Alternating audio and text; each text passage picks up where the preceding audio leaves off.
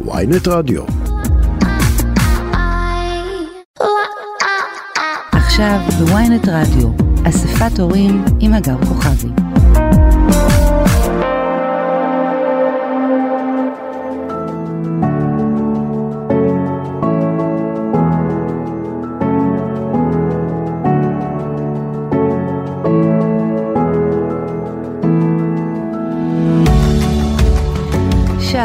לכולם, אהלן, תודה רבה שהצטרפתם לאספת הורים, תוכנית ההורות שלנו כאן בוויינט רדיו. בואו נגיד אה, שלום לצוות שלנו באולפן ונתחיל, אז אה, עורכת התוכנית היא ליאת מלכה, הטכנאי שלנו היום הוא עמית זק אה, ומאיה פרדו היא המפיקה. אני אגר כוכבי ואנחנו מיד מתחילים, אוקיי? יש לנו היום נושא לא כל כך פשוט, אבל בהחלט מרתק. והוא הולך ככה. לילד או לילדה שלי אין חברים. זה אחד המשפטים הכי קשים שהורה, לתפיסתי לפחות, שהורה יכול להגיד או לחשוב או להרגיש. זה באמת עניין אה, די שובר לב. עוד הרבה הרבה לפני שאנחנו מתחילים לדבר בכלל על מה שעובר על הילדים. אה, ובכלל, אני חושבת שחברויות בכל גיל הן עניין ממש מורכב. אז uh, הנה אנחנו פה, כמו תמיד, כדי לנסות להבין מה זו בכלל חברות של ילדים, איך יוצרים אותה, איך שומרים עליה. Uh, מסתבר שיש הבדלים רבים בין uh, ילדים לבין... Uh, לבינינו הגדולים בנושא הזה, מה קורה בצד השני של המתרס, כלומר כשיש קשיים חברתיים ואפילו חרמות, ועם חרם אז ננסה ככה לרדת לעומק העניין ולנסות uh, להבין ולהרגיש uh, מה, מה קורה בשעה של חרם, מה עובר על הילדים, מה עובר על ההורים בכל הצדדים. אוויר, וואו, כל כך הרבה שאלות, בואו ננסה לענות עליהן. אה, אז מי שנמצאת איתי כאן באולפן ותדבר איתי יחד על כל זה, היא מדריכת הורים ומטפלת משפחתית וזוגית. שלום לך, גאולה זקרי צדוק. היי, הגר, מה שלומך? בסדר, איזה כיף שבאת אלינו לאולפן. איזה כיף שהזמנתם אותי. איזה נושא? יש לנו, מאוד אה? מאוד קשה. נושא מאוד קשה. החברויות והחרמות. אבל נתחיל מה, מהצדדים החיוביים, אוקיי? מחברות. איך את תופסת חברות בכלל? וואו, את יודעת מה את מזכירה לי? אני רגע הולכת לצד השני של המתרס, mm-hmm. לקצה השני של הגילאים. אימא שלי עכשיו בניסיון בדיור מוגן. Mm-hmm. היא בת 78, אז היא לא ילדה, וההחלטה שלה באם להישאר או לא להישאר בדיור המוגן, היא קשורה אך ורק לחברויות. וואו. וזה נושא שהוא רלוונטי לכל גיל, זה נושא שהוא תמיד מאתגר, אם הוא לא עובד טוב, ותמיד כואב כשהוא לא כן. לא מצליח. כן. ואני חושבת שחברים זה אחד הדברים הכי... החשובים שיש לאנשים בחיים, שלא בטח. לדבר על ילדים, בעיקר בקבוצות גיל מסוימות של הילד שהחברים הופכים להיות הקבוצה המשמעותית ביותר עבורו, ואפילו מחליפים mm-hmm. את קבוצת, את המשפחה ואת ההורים. אז בואי, אני, אני אשאל באמת איך את תופסת, דיברנו על חברות באופן ככה כללי, אני ממש מסכימה שזו אינטראקציה שמלווה אותנו כל כל החיים ויש לה משמעויות אה, אדירות על החיים שלנו. איך זה נראה בין ילדים, חברות בין ילדים, איך היא מתאפיינת? תראי, זה נורא תלוי גיל. Mm-hmm. כשאנחנו מתחילים על גילאים קטנים יותר, אז לפעמים הם משחקים אחד עם השני, יש כאלה גילאים גם שהם עדיין לא מצליחים לתקשר בכלל אחד עם השני, אבל אם נגיד אני מסתכלת על גילאי 10 ומעלה, שאני חושבת שזה גיל מאוד משמעותי מבחינת יצירת חברויות כבר, אז א', יש קבוצות. יש קבוצות שנוצרות בתוך קבוצות גדולות יותר, אז יש תתי קבוצות. Mm-hmm. אם יש ילד שאין לו קבוצה להשתייך אליה, זה עלול לייצר מצב רגשי מאוד מורכב עבור אותו ילד. כן.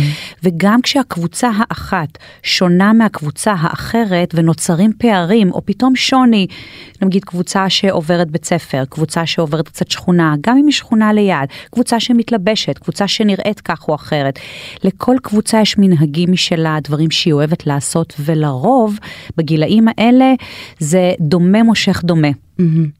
אם, אם אנחנו מסתכלים על גילאים מבוגרים יותר דווקא ואנחנו נמשכים דווקא לאלה ששונים מאיתנו, אז דווקא בחברויות של הגיל הצעיר יותר, מאוד חשוב לה למצוא מכנה משותף. Mm-hmm. לדבר את אותה שפה, להתלבש באותם בגדים, היום זה מאוד, אה, בחלק מהקבוצות, המותגים צריכים להיות אותם מותגים, השפה החברתית צריכה להיות אותה שפה mm-hmm. כדי שהם ימצאו איזשהו מכנה משותף. זאת אומרת, את אומרת שבימי בית הספר היסודי, בעיקר, נכון, סביבות גיל 9-10, נכון. באמת ילדים מתחילים uh, בכלל להבין מה זו קבוצת התייחסות, מה זו קבוצת שייכות, לרצות ככה... להבין יותר לעומק. אני חושבת שכבר לפני, גם בכיתה א', אה, הם כיתה א' היא תחילת אה, בית ספר יסודי, הם כבר מתחילים כן להבין מה זאת השתייכות, הם יושבים בכל זאת בתוך איזשהו מעגל חברתי בכיתה, יש להם את החלק של הריכוז, חלק שייכים, חלק לא מרגישים שייכים, וככל שהם עולים בגיל, ככה לקראת כיתה ג' ואילך, זה מקבל משמעות יותר עמוקה. Mm-hmm. ולרוב זה הרבה פעמים שזה, אה, כשיש קשרים חברתיים שנקשרים, הם כבר הולכים עד סוף היסודי, זה לא משהו שמתחלף יותר מדי לעיתים תכופות, ו- ותחושת השייכות מקבלת עוד ועוד משמעות ועומק ככל שהגיל עומד והולך ומתקדם. זה פשוט uh, מרתק. את יודעת, uh, אני רוצה להכניס כאן uh, בבקשה שאלה, לקראת התוכנית uh, ככה כתבו לנו המון הורים ושאלו, uh, פשוט הזכרת כיתה ג' וזו אימא לילדה בכיתה ג' שבדיוק היא שאלה את זה. היא כתבה לנו כך, היא כתבה שבשיחות עם הילדה היא אומרת שיש לה חברות, אבל כשאני שואלת אותה מדי פעם עם מי היא שיחקה בבית הספר, היא אומרת שהיא לבד בהפסקות. אני חושבת שקשה לה ליצור אינטראקציה או להיכנס לאינטראקציה קיימת, אה, ואיך אפשר אה, ללמד אותה לעשות את כל זה. אז לפני שככה נחשוב ביחד אה, מה עושים ואיך עושים, זו תחושה מאוד מאוד קשה.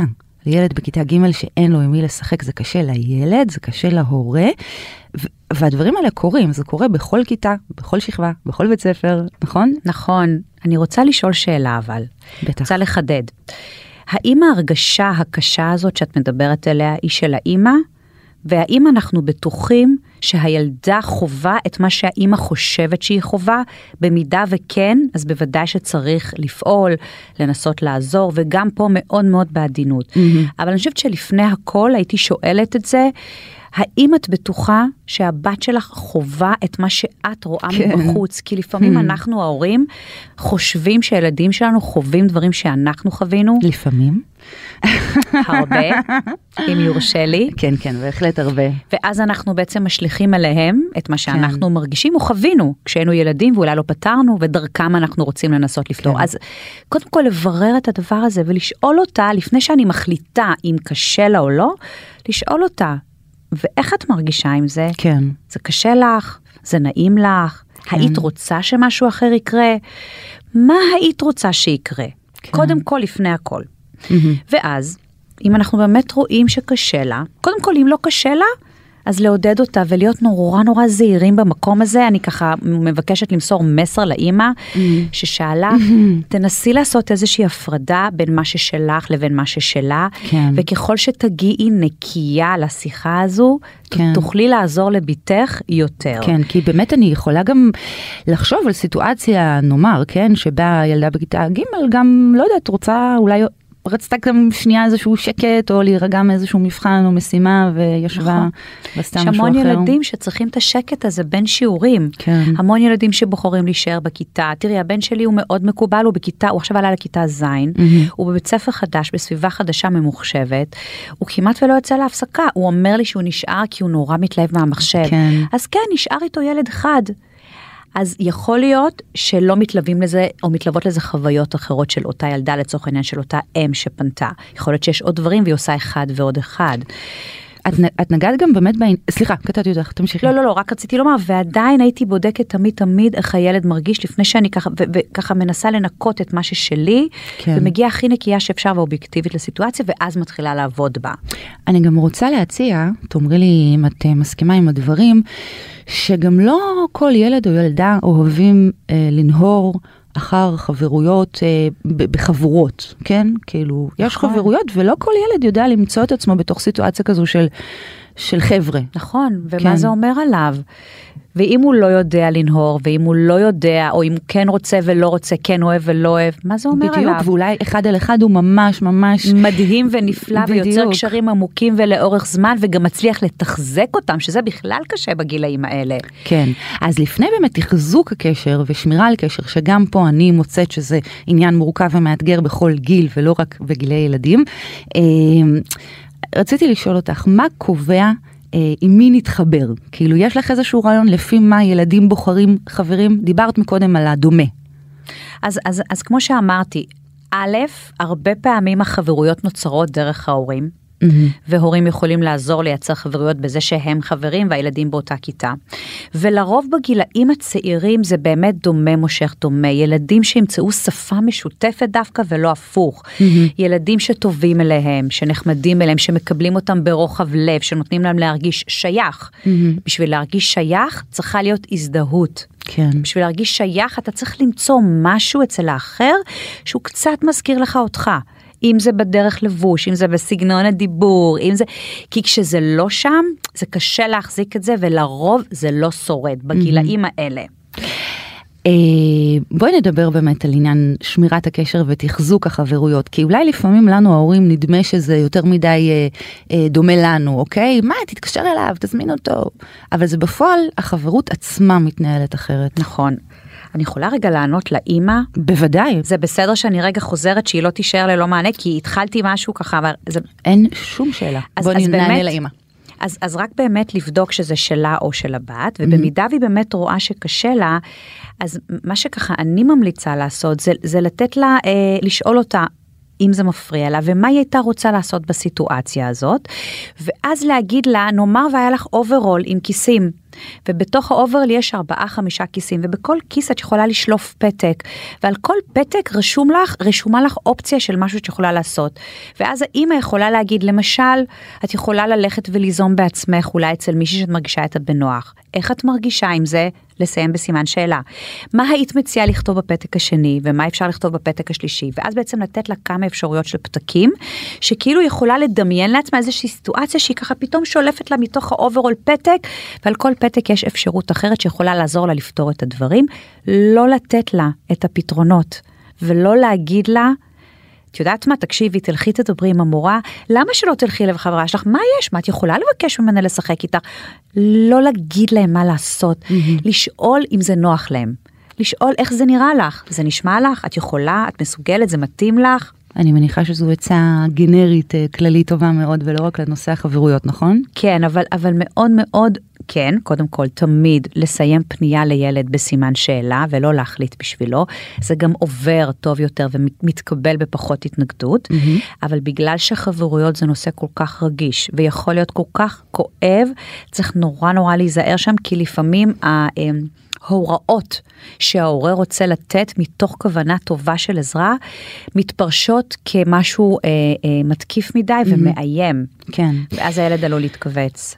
סליחה, מעניין מאוד, אותך. לא לא לא, אז אנחנו אה, עוד נרחיב אה, רבות על הדבר החשוב אה, שאמרת עכשיו, אנחנו פשוט אה, נצא כן. לשמוע שיר ומיד נחזור.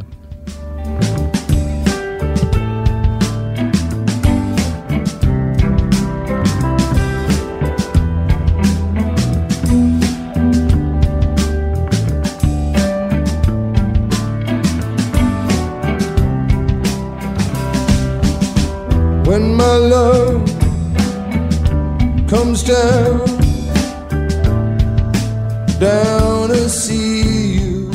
אני אגר כוכבי, לצידי גאולה זקרי צדוק, מטפלת זוגית ומשפחתית, מדריכת הורים. אנחנו מדברות על חברויות וחרמות, אה, אנחנו, גאולה, עדיין בשלב החברויות, אוקיי? כן. אה, זו שיחה מורכבת, אני חושבת שבאמת, אה, כמו שפתחתי, כן, את התוכנית עם המשפט האיום הזה, לילד שלי אין חברים, אוקיי? הורה שחש את זה, בטח ילד שחש את זה, זה דבר שהוא בהחלט מורכב. אה, התחלת לדבר על נושא המעורבות ההורית, אוקיי? במצב, ואני רוצה לשאול אותך, מהו לתפיסתך אה, תפקיד המשפחה וההורים בתחום הזה של חברויות שאנחנו מדברות עליו, אה, וגם מה, איפה המקום שלנו לעזור להם או לא לעזור להם. וואי, זאת שאלה כל כך חשובה, גר, כי היא כל כך, התשובה אליה היא כל כך מורכבת. אז, אז להורים ולמשפחה בעצם יש שני תפקידים, והם בשני צידי המתרס. בצד אחד, הם חייבים להוות קרקע של תמיכה. וגב, ואהבה, וקבלה, והכלה, ותמיכה, וליווי, וגיבוי להכל, no matter what. עכשיו, זה לא תמיד כזה פשוט. זה על פניו נשמע פשוט, טוב, ברור, אנחנו משפחה, אנחנו ההורים, אמורים לתת תמיכה, מה, אנחנו אוהבים את הילד שלנו בכל מצב, אבל זה לא כזה פשוט. בטח שלא.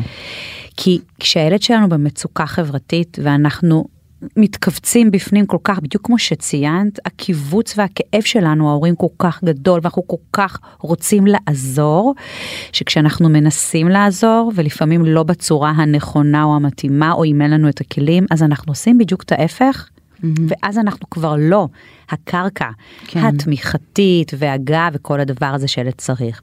כן. אז זה כאילו צד אחד של המתרס. והצד השני זה להיזהר מלהתבלבל ולא לקחת את הילד שלנו לשם, או את מה שאנחנו חושבים שהוא חווה, למה שאנחנו חווינו כילדים, או לפחד הכי גדול שלנו כהורים, כילדים. כן. או לחשש, או לחוויה אולי שהייתה לנו כשהיינו צעירים יותר ואנחנו משליכים אותה על הילדים. אז כן. לבדוק, לנקות, להיות במודעות בעיקר, ולשים לב כל הזמן לשני הכיוונים כן. האלה. אז אם אה, לשים לב, אני רוצה לצרף לשידור אה, אה, מחנך, אה, אדם אה, אה, שאני ככה מכירה, גם העבודה שלנו בערוץ, הוא מחנך אה, בבית ספר קשת שוהם, הוא גם מעביר סדנאות ושיחות לחדרי מורים אה, ונוער, כך זה נקרא. אבינועם הר, שלום לך. אהלן, מה נשמע? מה שלומכם? אבינועם, בסדר גמור, הרבה זמן לא דיברנו, אה? כן, כן, לגמרי. כן. אבינועם, אנחנו מדברים היום על חברויות, בתור מחנך ומורה ומי שנמצא בכיתות ומול הילדים שלנו, תכלס, כל כך הרבה שעות ביום. איך אתה רואה את הנושא הזה? אני חושב שהעניין פה זה שהרבה שמים דגש על עניין של להצליח בציונים ומתמטיקה ואנגלית ומחשבים, ובאיזשהו מקום, אה, לדעתי, החברויות לא מקבלות את הנפח הנכון והראוי. ילד שלא טוב לו בכיתה חברתית, וזה תקף מה שאני אומר מכיתה א' עד לכיתה י"ב, הוא מחוק. כלומר, יהיה לו מאוד קשה, מאוד מאוד קשה ללמוד, להתרכז בלמידה. ואני חושב שאם ההורים היו משקיעים את מאות אלפי השקלים שהם שמים על חוגים ועל העשרה ועל אה, אה, אה, מי... אבל איך אבינועם, איך. לעשות את זה?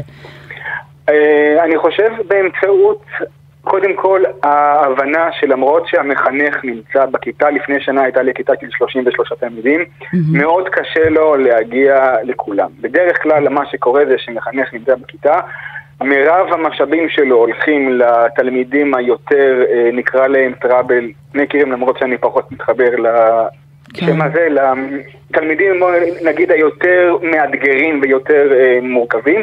כן. ככה שאם אתה תלמיד טוב, אבל אתה שקט ואתה לא עושה יותר מדי רעש ובלאגן, ואין לך מספיק חברים ולא טוב לך, אז מאוד, נד... אה, אני...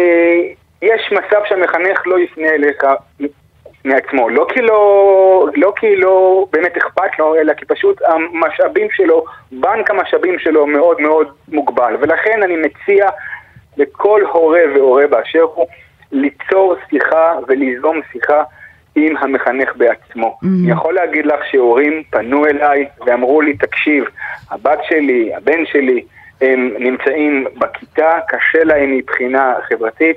שמתי ליבי לעניין הזה, אני יודע שעכשיו אני צריך להתמקד מזה, וזה מה שזה עוזר לנו. אני מבקש אתה מכל... בעצם אה, אומר, אבינועם, אתה אומר לא לפנות אליי רק כשיש כבר אה, חלילה איזשהו חרם, אלא להציף את הנושא מונעת. הזה.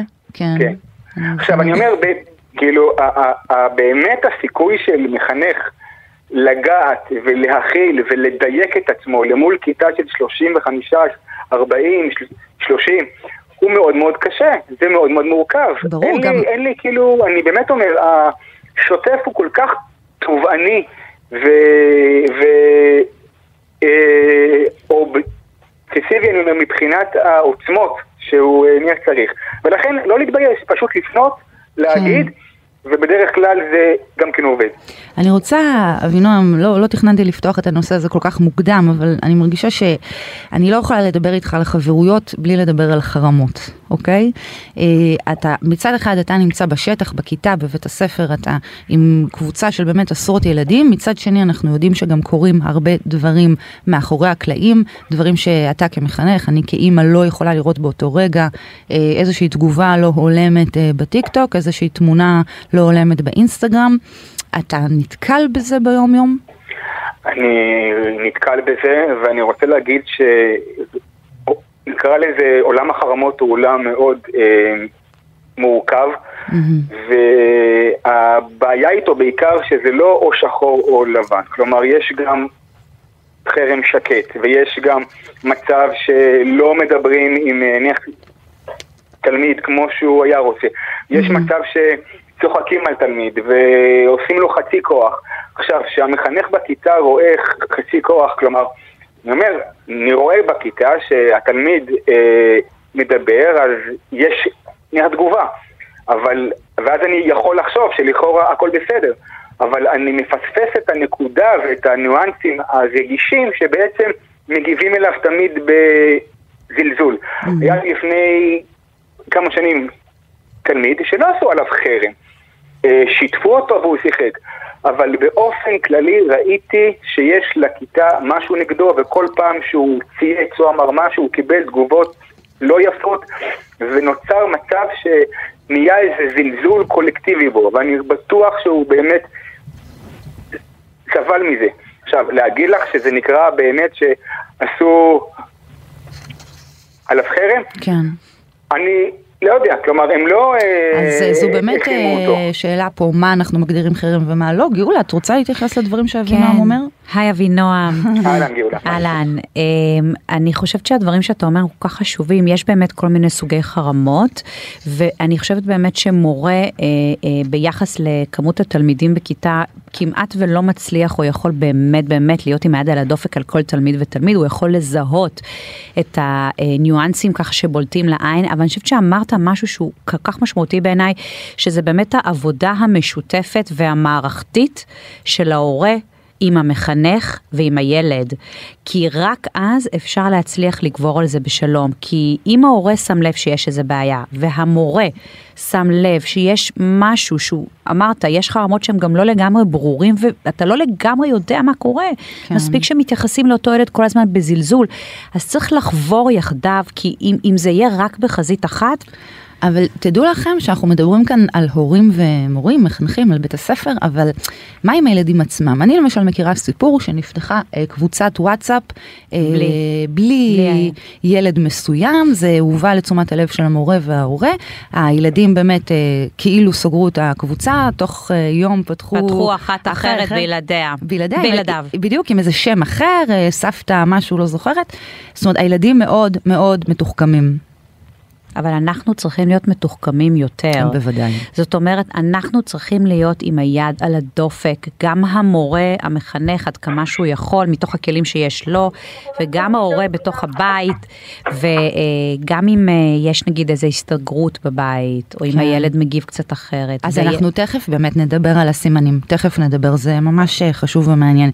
אבינועם, יש משהו שאתה כמחנך היית רוצה אה, לומר עוד אה, אני להורים? אני רוצה להתייחס לנקודה האחרונה שאמרת. ואני רוצה באמת להגיד שמבחינה טכנולוגית אין מנוס, וכל מחנך צריך באיזשהו שלב לחדור את המעטפת ואת הכספת של קבוצת הוואטסאפ הכיתתית שהוא לא נמצא בה. Mm-hmm. ואני בא להגיד, היום אין מה לעשות, הורה חייב לדעת ליטול יוזמה, לקחת מדי פעם את המכשיר של הבן שלו ולהתחיל לאסוף את המידע הזה, כי כמו שאמרת, אנחנו נמצאים מצד אחד מאחורה ודברים, וזה דיני נפשות בכל דבר ועניין. ממש. אבינו אומר המון המון תודה לך. תודה. על הדברים שלך, תודה רבה. אה, אבינועם אמר גאולה דיני נפשות ואני ככה מתחברת למה שהוא אמר גם למה שאת אמרת קודם שילד שלנו חברים זה ילד שאפשר לומר שלרוב לא טוב לו גם הציונים שלו לא יהיו טובים גם באופן כללי החיים שלו לא יראו כל כך אה, משהו מה באמת עובר על ילד שיש לו קשיים חברתיים. וואו, זה באמת נושא כל כך מורכב, ובזמן שאבינועם דיבר, ודיברתם ככה על כמה דברים, זה, זה כל כך מורכב, ויש לזה כל כך הרבה היבטים, כי זה נורא תלוי איך אנחנו מגיבים למה שעובר על הילד. Mm-hmm. לשאלתך, מה עובר על ילד שאין לו חברים? זה קשוח. Mm-hmm. זה קשוח, זה כואב, כן. זה מוקיע.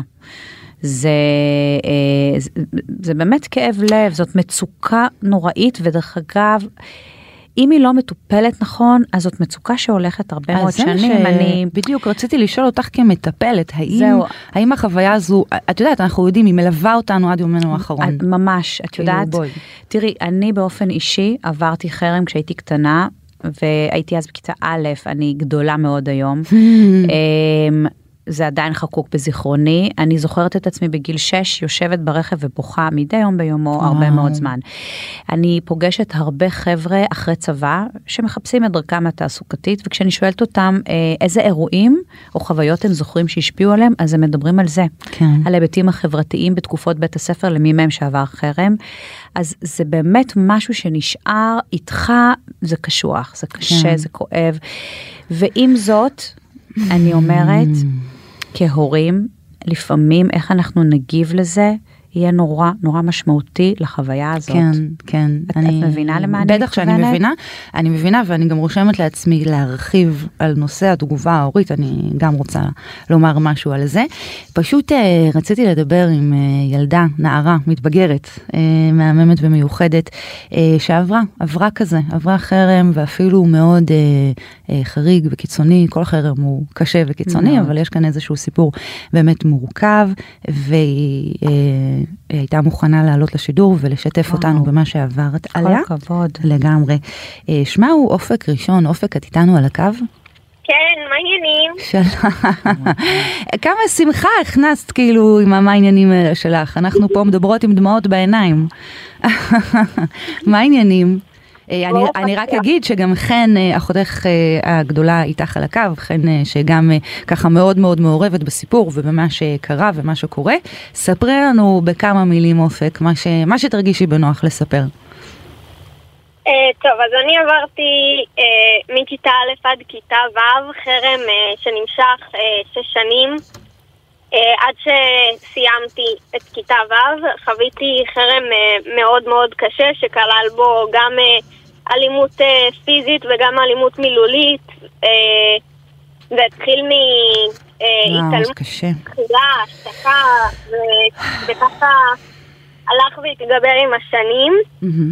עד שחוויתי משבר אמון כל כך קיצוני, שהוביל אותי למצב שאני לא יכולה לסמוך אפילו על הקרקע שאני עומדת עליה, וממש uh, הייתי מאושפזת בתל השומר במשך המון המון זמן, וואו. uh, על כיסא גלגלים, uh, וממש... רגע, אה, כתוצאה, כתוצאה. ממה? רק להבין.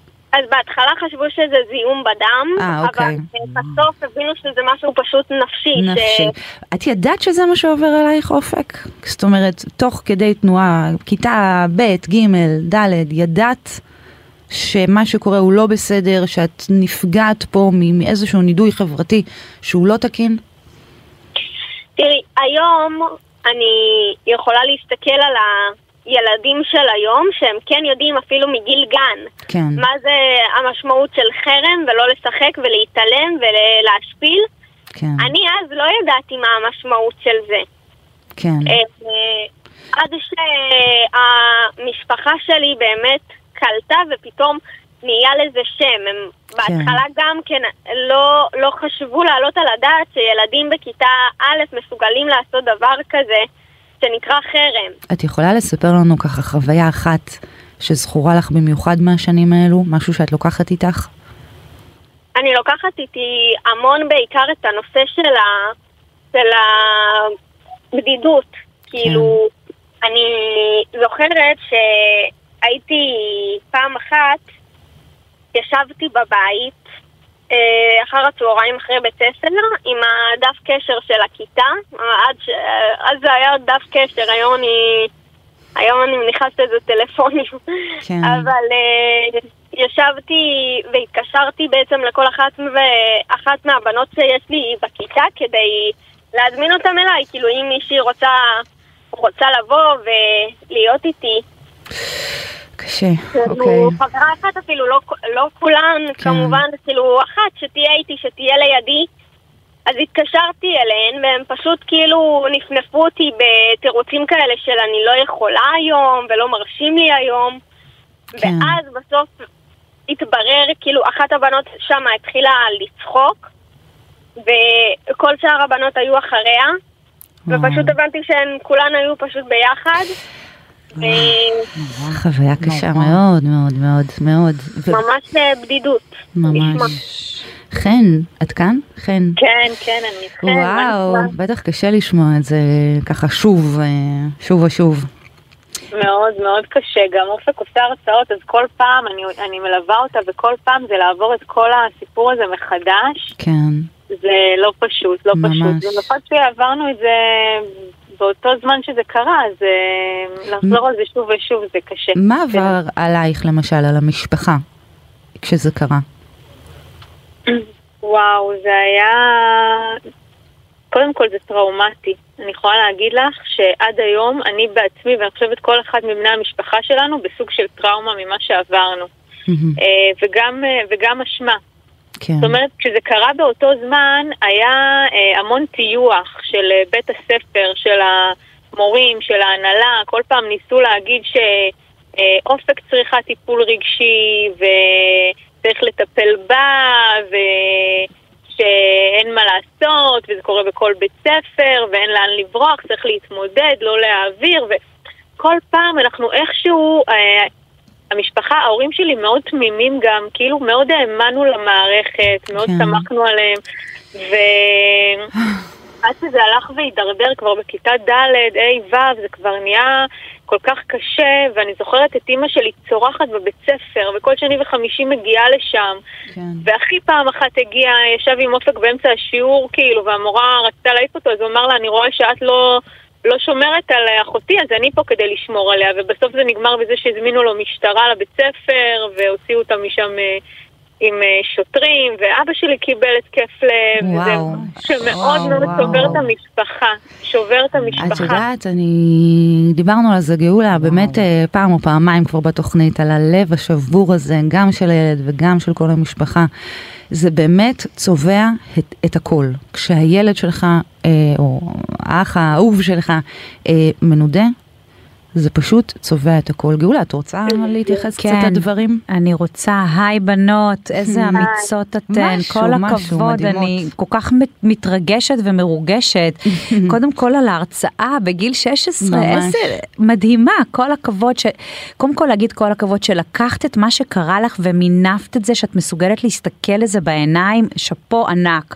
זה כל כך אני לא... חייבת רק, אני חייבת רק להגיד משהו בנושא הזה, שאנשים, שאנשים יבינו שזה שאופק אה, התפרסמה מהנושא הזה והיא באמת מנ- ממנפת את זה לשליחות, שליחות. זה עדיין לא מרפא לא. ולו במעט את הכאב העצום הזה, את הפוסט-טראומה שהיא מאובחנת איתו, את ההתקפי חרדה, וואו. את הבעיות החברתיות, שהיא עדיין, היא, היא לא בבית ספר רגיל היום, היא לומדת בפרויקט הילה, שזה כבר Mm. בית ספר שהוא לא עם כיתות רגילות, זה שניים, שלושה תלמידים ב- כן, בכיתה. הבן שלי היה בכ- בבית כן, ספר. כן. זה, זה לא מרפא.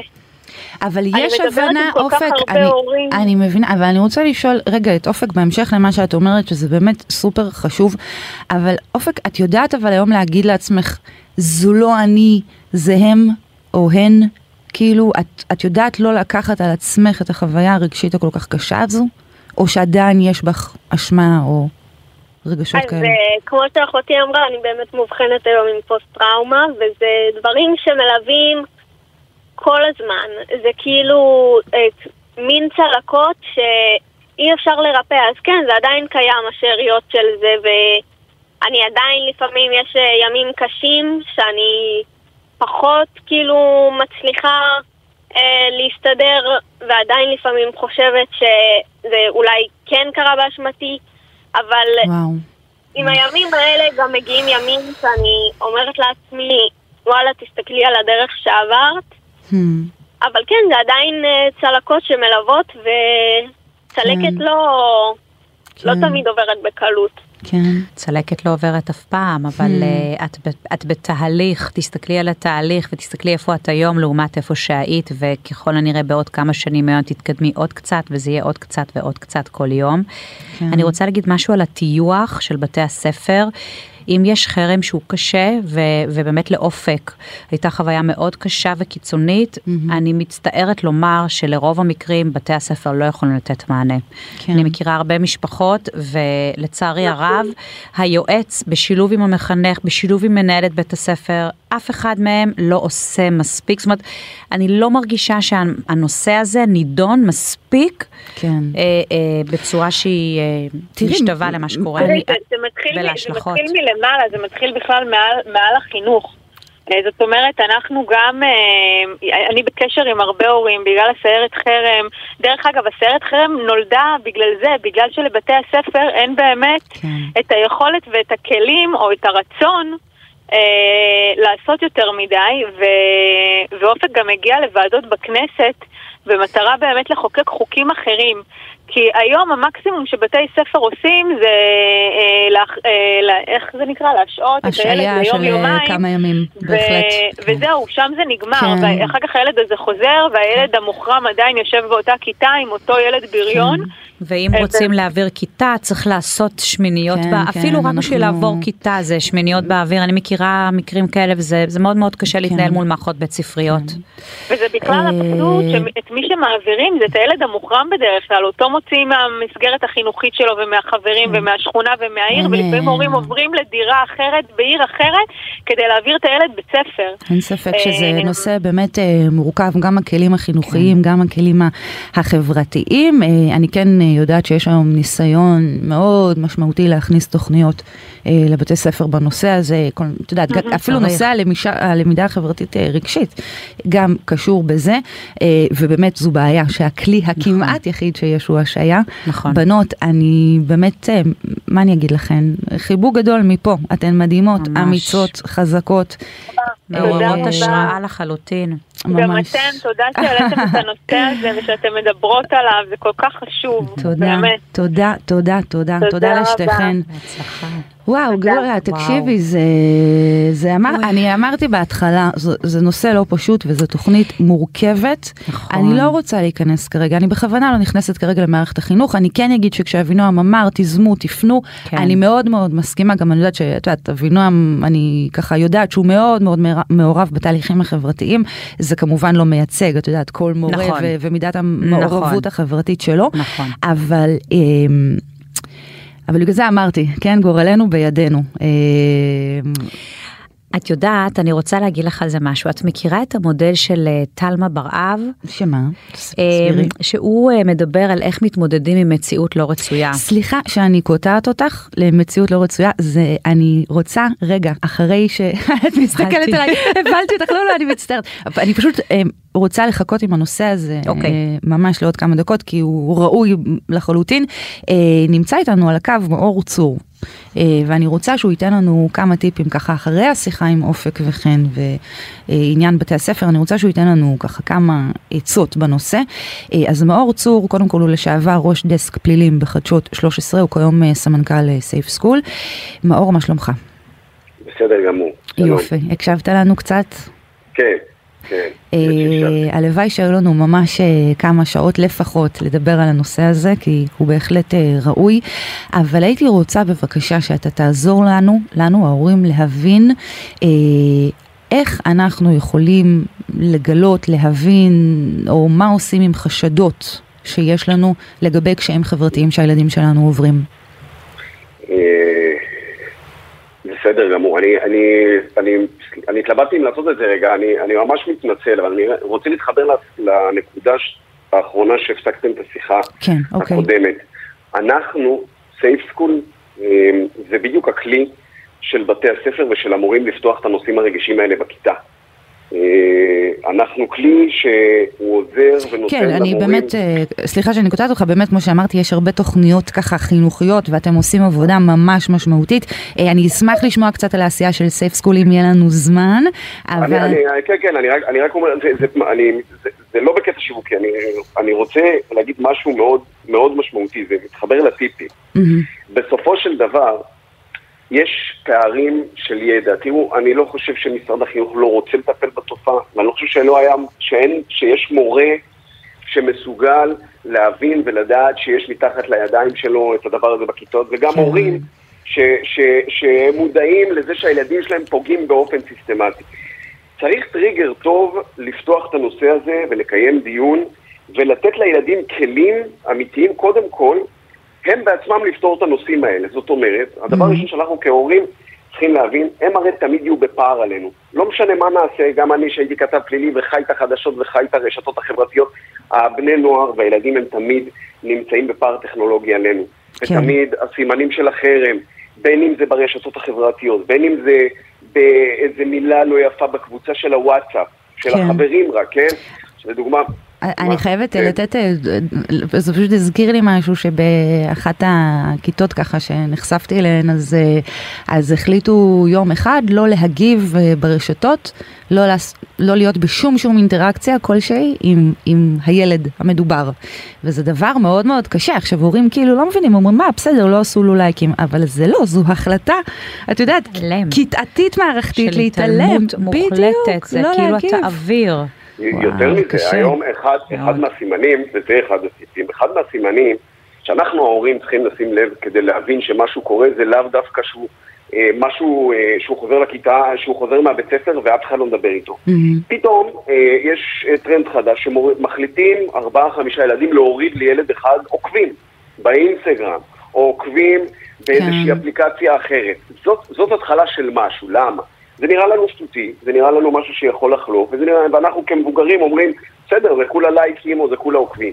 בשבילם אבל... זה כל החיים, משהו מה לא- זה? זה? זה כל החיים. פה, ברגע שיש סימון כזה, זה אומר שילד מסומן. עכשיו, מהמרחב של הרשת, זה מתחיל להפוך למרחב הפיזי. כי ברגע שמתחילים להוריד לו עוקבים באינסטגרם, זה אומר שגם בכיתה כנראה לא יזמינו אותו למפגשים חברתיים, ומיד כן. לאחר מכן זה כבר הופך לבידוד, ואז זה כבר יכול להסלים ממש לאלימות אז. מה אנחנו ההורים, אה, מה אנחנו אז- יכולים, א- איך אנחנו יכולים כאילו בכלל לגשת לעניין הזה, להבין שמשהו עובר על הילדים?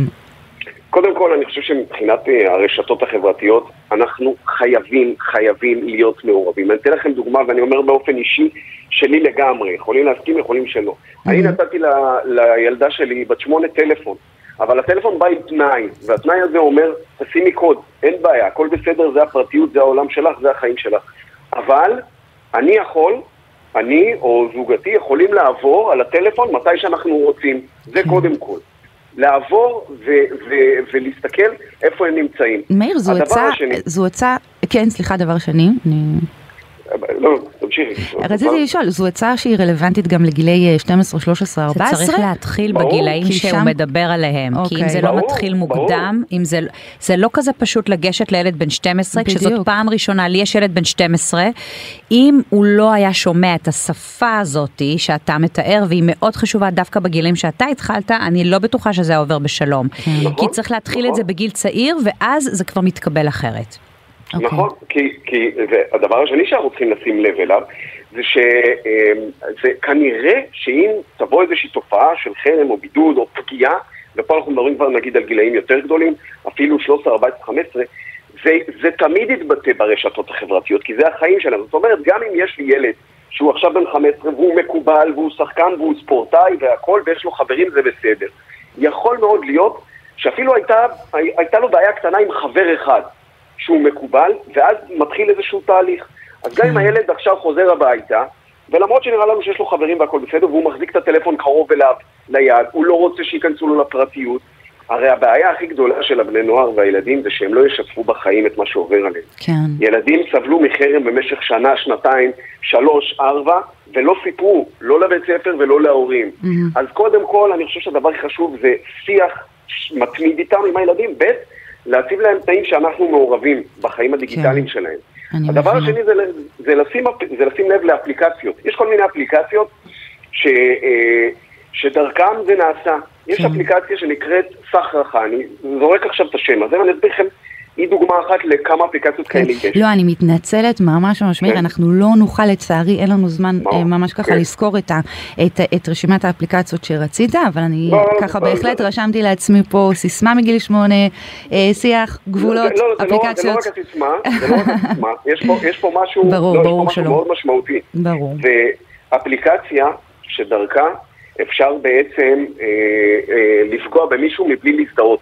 Mm, עכשיו, אם אנחנו אומרים לילדים שלנו, תקשיבו, אתם יכולים להיכנס לאן, ש- לאיזה אתר שאתם רוצים, אבל בתנאי שהצד השני, יודע מי אתם. או באפליקציה, יודע מי אתם כן. ואתם יודעים מי הוא, הוא צריך לאמת את עצמו. כן. כן. בסדר גמור, מאיר. אני ממש מאור, מודה לך מאור על צור. הדברים האלה. מאור צור כמובן, כן. אני מור. אה, תודה רבה לך על הדברים האלה, המון המון תודה. תודה.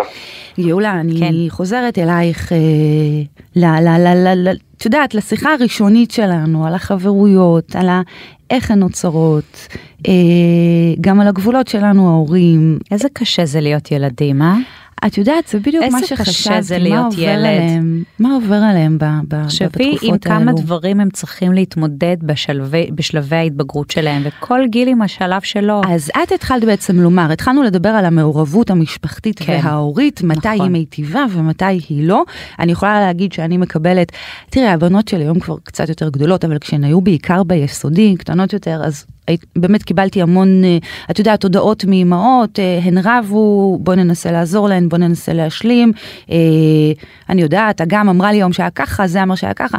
באמת הנטייה שלנו מאוד... לנסות לפתור להם. לנסות לפתור ולהשלים. מתוך כוונה טובה. כן.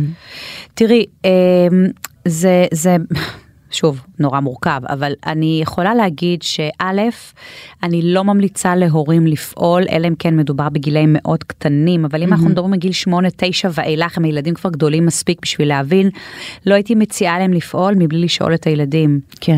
כן אפשר לגשש אם יש הורים שהם קרובים מספיק, שאנחנו סומכים עליהם כהורים, כחברים מכרים טובים יחסית לשאר, שלא יגיע לילד, שבדקנו, שביררנו, ששאלנו, יש המון ילדים שמעדיפים שההורים לא יתערבו, כן. והם מתערבים.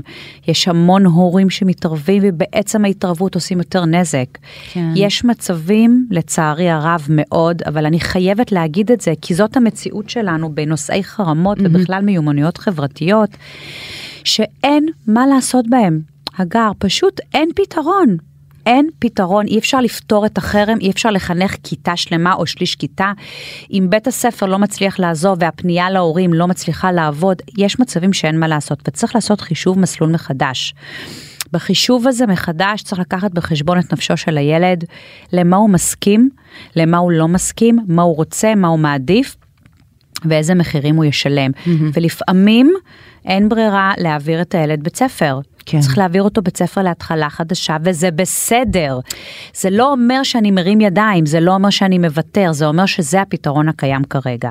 במקום להיכנס פנימה ולהכניס ראש בריא למיטה שהיא כבר חולה ואי אפשר כן. לשנות אותה, כן. אה, מה- כמה נשימות אני נושמת פה היום, מורכב, זה- מורכב, מורכב, מורכב. מה- כן. מה ההורים רוצים? שלילד שלהם יהיה טוב. טוב. שיהיה לו טוב, שיהיה לו נכון. חברים, שיהיה לו טוב. תשמעי, קשרים, אני בכל המסעות שלי, בחיפוש אחר משמעות ומשמעות החיים וזה וזה, אני תמיד מגיעה לקשרים האנושיים, לחברים, לחברות שלי. וזה באמת נכון. מאוד מאוד מאוד קשה שיש את זה. נכון. אה, אנחנו לקראת אה, סיום, אני לא מאמינה שהשעה אני גם, עברה. אני בשוק. בשוק. איזה מהירות ועוד כמה דברים יש להגיד על הנושא הזה, זה ממש. פשוט לא נגמר. אז אה, קודם כל אולי נעשה תוכנית המשך. אה, בשמחה. בהחלט, בהחלט. אה, אבל יש איזושהי פינה, את לא מכירה אותה, אבל אני מפתיעה אותך ואני לא רוצה לוותר לך עליה. אות ונמשיך. מאלף ועד תף, לקסיקון האורות הגדול. ההנחיות אה, ממש אה, פשוטות. אני בלב שלי סופרת אה, ככה מונה מד... אותיות, א', ב', ג', ואת אומרת לי סטופ, נראה לאן הגענו, נמשיך משם. אוקיי. בסדר? יאללה, אני מתחילה. כיף. כן. סטופ. למד. למד, אה, גאולה יקרה, איזו מילה באות למד קופצת לך עכשיו בראש? שקשורה לחרמות? שקשורה בכלל לחיים. למה? למה? למה? למה? למה לעשות חרם? למה? למה? למה? שזאת מילה... דווקא. דווקא אני בחרתי את למה, דווקא כדי להבין שלא תמיד יש תשובה. אז אל לנו לחפש את התשובה, לפעמים אין הסבר, אנחנו לא הסבר. באמת יודעים. זה לא אומר שילד שעושים עליו חרם משהו לא בסדר איתו, זה לא אומר שמשהו לא בסדר במשפחה, אין לנו תשובות ללמה. ואם עשית מסעות אז את יודעת שיש הרבה נושאים בחיים שאין להם תשובות ללמה. ממש. אז ממש לזנוח ממש את ככה. הלמה ופשוט להיות עם מה שיש. וואו, זה מדהים מה שאת אומרת. בלי למצוא ממש פתרון, ממש מדהים. פשוט להיות, מדהים הכל ומרגש. בסדר. אה, אני, כן, אספר לך אחר כך על סיטואציה ש, שזה מה שעשיתי, שזה כלום. אה, אני רק רוצה להזכיר לך, לפני שאנחנו מסיימים, התחלת לדבר על איזשהו מודל, וקטעתי אותך, כן, אז, אם אז תרצי מהר להשלים. מהר לאותם הורים שמתמודדים עם חרם של הילדים שלהם ואין מהמם. להם מה לעשות, אוקיי? אז יש, המודל של תלמה בר-אב הוא איך מתמודדים עם מציאות לא רצויה, אז יש ארבע אופציות ואני אגיד מה הנכונה. אז האופציה הראשונה היא באמת אה, כל הזמן להיות להיות בניתוק והכחשה ולהתעלם, להתעלם, להתעלם עד שזה מתפוצץ. האופציה השנייה היא בעצם לא לעשות שום דבר ופשוט כל הזמן, כל הזמן לקטר, לקטר, להתלונן, אבל להיות בתוך הקיטור. אה, האופציה השלישית היא לנסות לעשות שינוי דרמטי מאוד, מאוד דרמטי שלא תואם את המצב. והאופציה האחרונה והכי נכונה זה לקבל את המציאות ולשחות בתוך הים של המציאות. וזהו, לא להילחם, לא להתנגד. אם ניסינו להניח, להרפות, לשחרר, להיות בתוך מה שיש, למצוא את התשובה האופטימלית. כן. אמ, שמתאימה לבית, שמתאימה למשפחה, שמתאימה לילד, בשיתוף עם הילד. אני מבינה. אה, לפעמים המאמץ למצוא את הפתרון הוא זה שעושה את ההפך. כן, אני יכולה tricky. להתחבר לזה, אני יכולה, מבינה, אני, זה tricky. כן, כשהילדה שלי הייתה מאוד מאוד מאוד מאוד קטנה, היא אמ, אמ, רבה ככה עם חברות, והייתי שואלת אותה כל יום, מה עם זה, מה עם זה, דיברת, השלמת, דיברת, ובסדר, למדתי שזה כבר זהו, לא, נכון, לא, לא, בול. לא, לא היה משהו. זאת דוגמה בול על מה, נכון, בדיוק כך. כן, בדיוק. והשאלות האלה מלחיצות יותר ומכניסות את הילד לפינה שגם ככה הוא מתמודד איתה, אז הן מקצינות. טוב, אנחנו חייבות, חייבות לסיים. בסדר. גאולה אה, תודה רבה. צדוק, המון המון המון תודה לך שבאת תודה לכם. והשתתפת. תודה. תודה לכם, צוות נהדר, תודה לעורכת ליאת מלכה, לטכנאי עמית זק ולמפיקה מאיה פרדו. אה, אני אגר כוכבי, ניפגש בתוכנית הבאה של אספת הורים. ביי.